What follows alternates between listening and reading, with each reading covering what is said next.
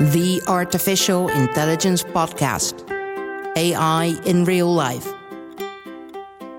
I am what you might call a crybaby. My pain threshold is ridiculously low, and I have a fear of dentists that borders on a phobia. According to my parents, I even had a sixth sense for doctors, so I could avoid them. When I was a toddler, we traveled to China and I got bitten by a mosquito. It was then that we learned that I have a pretty bad allergy because that bite swelled up to a purple, pus filled beast covering half of my leg. Sorry, that was disgusting. Anyways, my parents tried to take me to a hospital, and they still tell me the story of how three streets away, I already started crying and refusing to go any further. The hospital entrance nowhere in sight. I guess it's time to come forward. A big red cross on top of a building, visible from the entire neighborhood, is a pretty clear signal, even for a four year old. Like Joseph Sirosh, CTO AI of Microsoft, shared in an earlier episode, AI has a huge potential to create more good in the world, for instance, through applications in healthcare.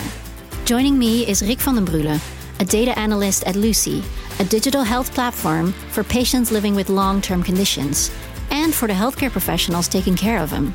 For now, it primarily makes their lives easier but the technology has the potential to increase healthcare quality beyond what humans alone could accomplish. We have an uh, application for uh, chronically ill patients uh, where they can uh, send in uh, measurements about their health to their to their clinic. And what used to be the case, what's still the case, is that chronically ill patients need to come in regularly to get their health checked up by by their doctor. And um, with modern technologies like the smartphone and Bluetooth sensors, they can collect all kinds of uh, can collect this information themselves and send it to their clinic without having them to come in. Right. Imagine I'm an elderly or chronically ill patient.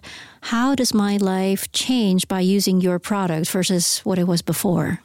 Yeah, so there are uh, sensors, medical sensors that you can attach with Bluetooth to your cell phone, mm-hmm. and um, and you can measure your blood pressure, your heart rate uh, yourself. Right. So rather than going into the clinic every how often does that happen? Yeah, so normally these people would go to the clinic maybe once every three months or when they uh, start feeling bad. Uh, and now uh, with um, uh, with an app like this, you can measure in or send in measurements every two weeks or maybe every week if uh, if that's necessary. So you both don't have to go into the clinic as much as before, but you also collect actually a lot bigger data set for each patient. Yeah, we collect the same data as a doctor would collect, but much more frequently. I can imagine that makes life better for a patient, but I can also imagine that makes life a lot more complicated for the person on the other side who analyzes that data. Uh, well, what you start seeing is uh, these patients get more confidence about their health because they send in measurements more regularly and they know that someone is checking up on their measurements much more frequently. Uh, but for the for a nurse that needs to uh, process all this information, they spend a lot more time behind their computer than they would normally do. Right. Because normally they would just see all their patients at the clinic. And and you help them with that as well, right? Yeah, so that's that's the that's the next step. So right now, all the data is coming in. So what we want to do is uh, give people the insight that on which patients need more monitoring based on the measurements that are coming in. Yeah, so not just the huge big data collection, but already prioritizing it for the nurse or the doctor. Exactly. Right. Yep. So so how would a nurse's job change once you succeed in, in realizing that? Okay, so for instance, normally when when a heart failure patient com- comes into the clinic, there are upper and lower limits to, for instance, blood pressure, and those are guidelines to check uh, whether patient needs extra care or needs a change in medication, for instance. Mm-hmm.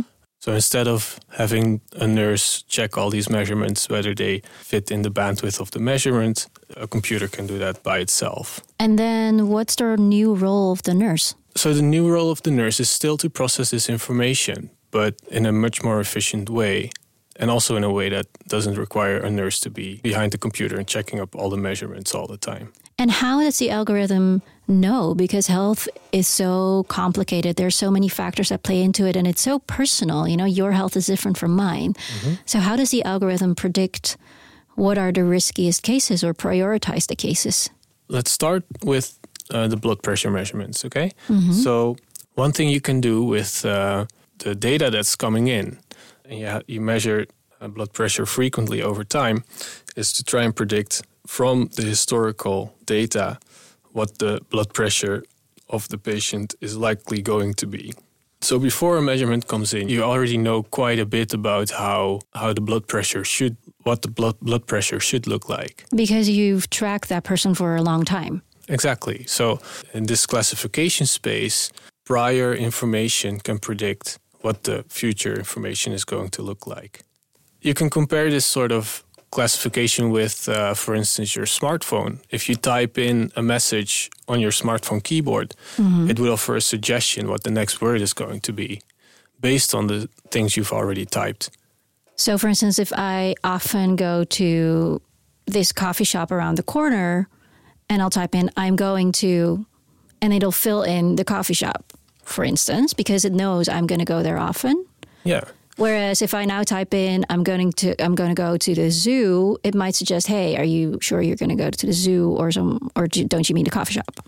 So in this case, you would get um, I am going to. Uh, an algorithm could learn that that is a phrase that is associated to a location, uh, and if it also learns your preference about the lo- what locations you normally go to, it can suggest these types of locations for right. you. And if it happens to be that a location is different from what the algorithm is predicting, in the case of a keyboard, it might offer you different suggestions, but in in the case of our algorithm, it could mean a decision to flag a measurement as deviating from normal so that a nurse can take extra action on it. Right.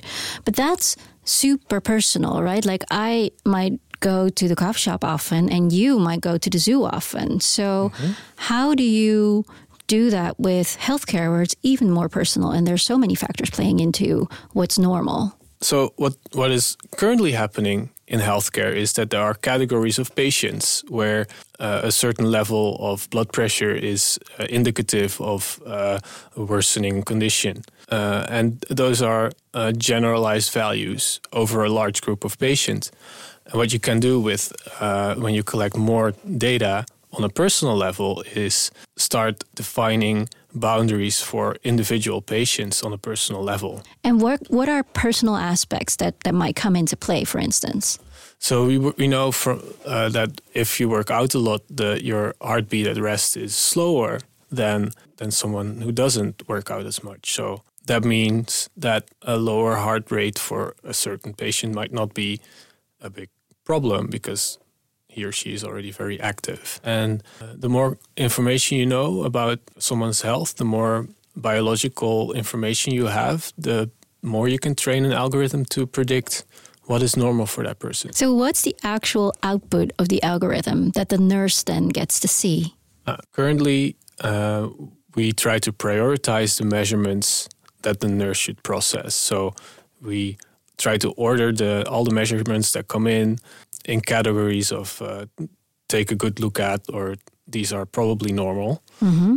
the output is basically a category of how interesting the measurement is. Mm-hmm.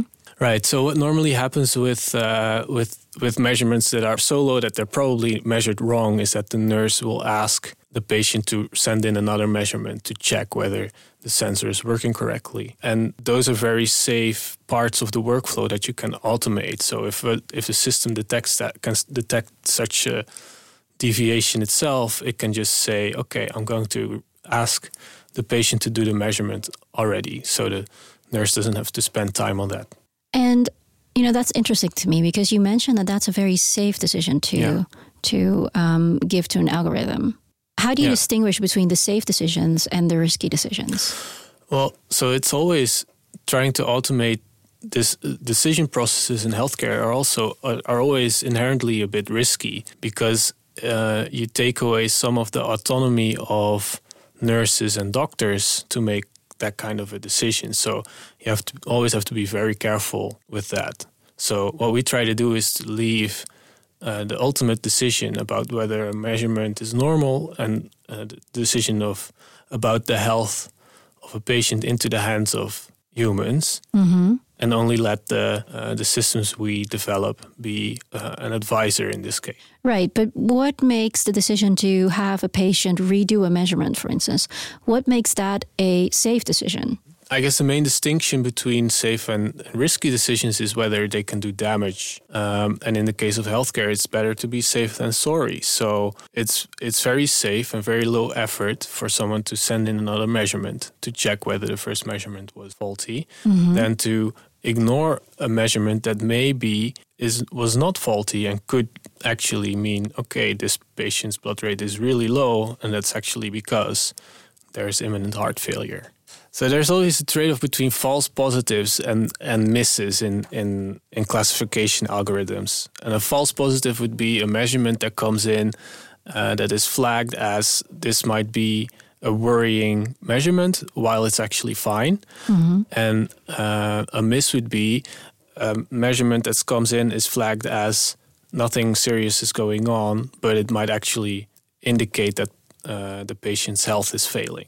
Right, and when you have too many false positives, that's going to cause more work for the healthcare professional. Yeah. But when you have false negatives, that might actually cause damage to a patient. Yeah, and that's the, the riskier decision in this case. So in these cases, it's better to stay to stay on the safe side and do a bit of extra work, if that uh, saves you from missing the uh, relevant cases. Right.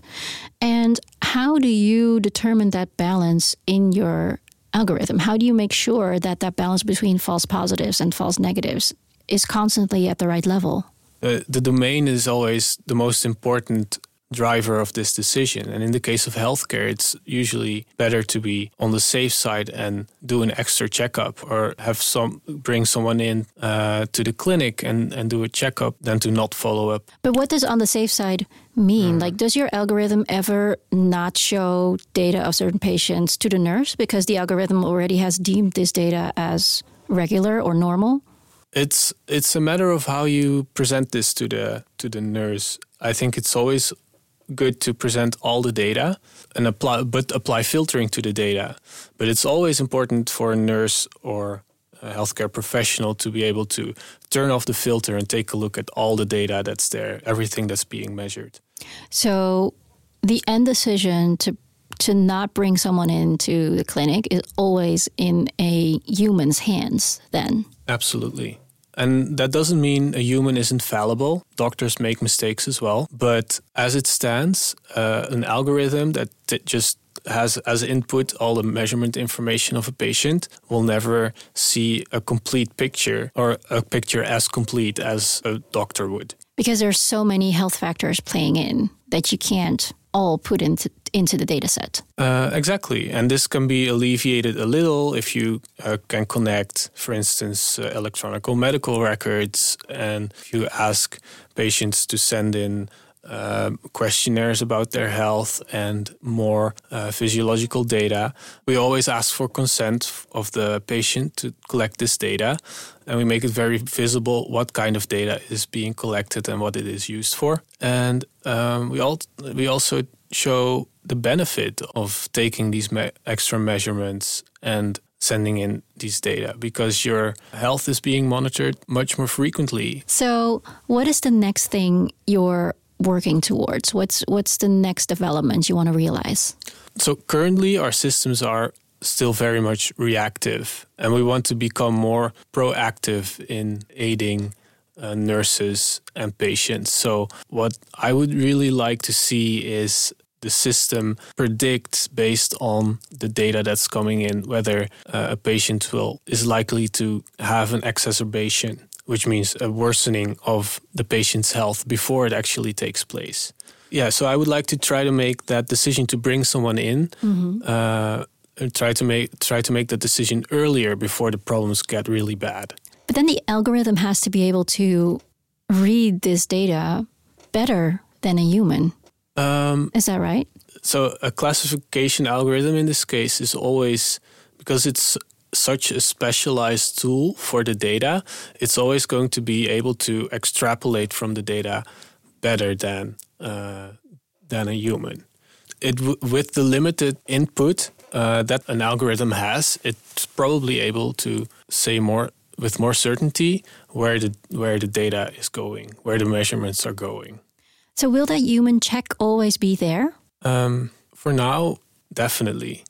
From generic datasets to personalized predictions, while ensuring consent and transparency for both patients and healthcare professionals. The trends for AI in healthcare are not that different from other applications, but the stakes are much higher in this game, both risks and potential wins. Rick van der Brule, data analyst at Luscii. The OG AI. Hello, I am Baymax, your personal healthcare companion. I heard a sound of distress. What seems to be the trouble? On a scale of 1 to 10, how would you rate your pain? This is Baymax from the 2014 Disney animated movie Big Hero 6. Baymax is a big, soft, inflatable healthcare companion. The characters from the movie are based on the Marvel comic Big Hero 6, where Baymax was first introduced in 1998.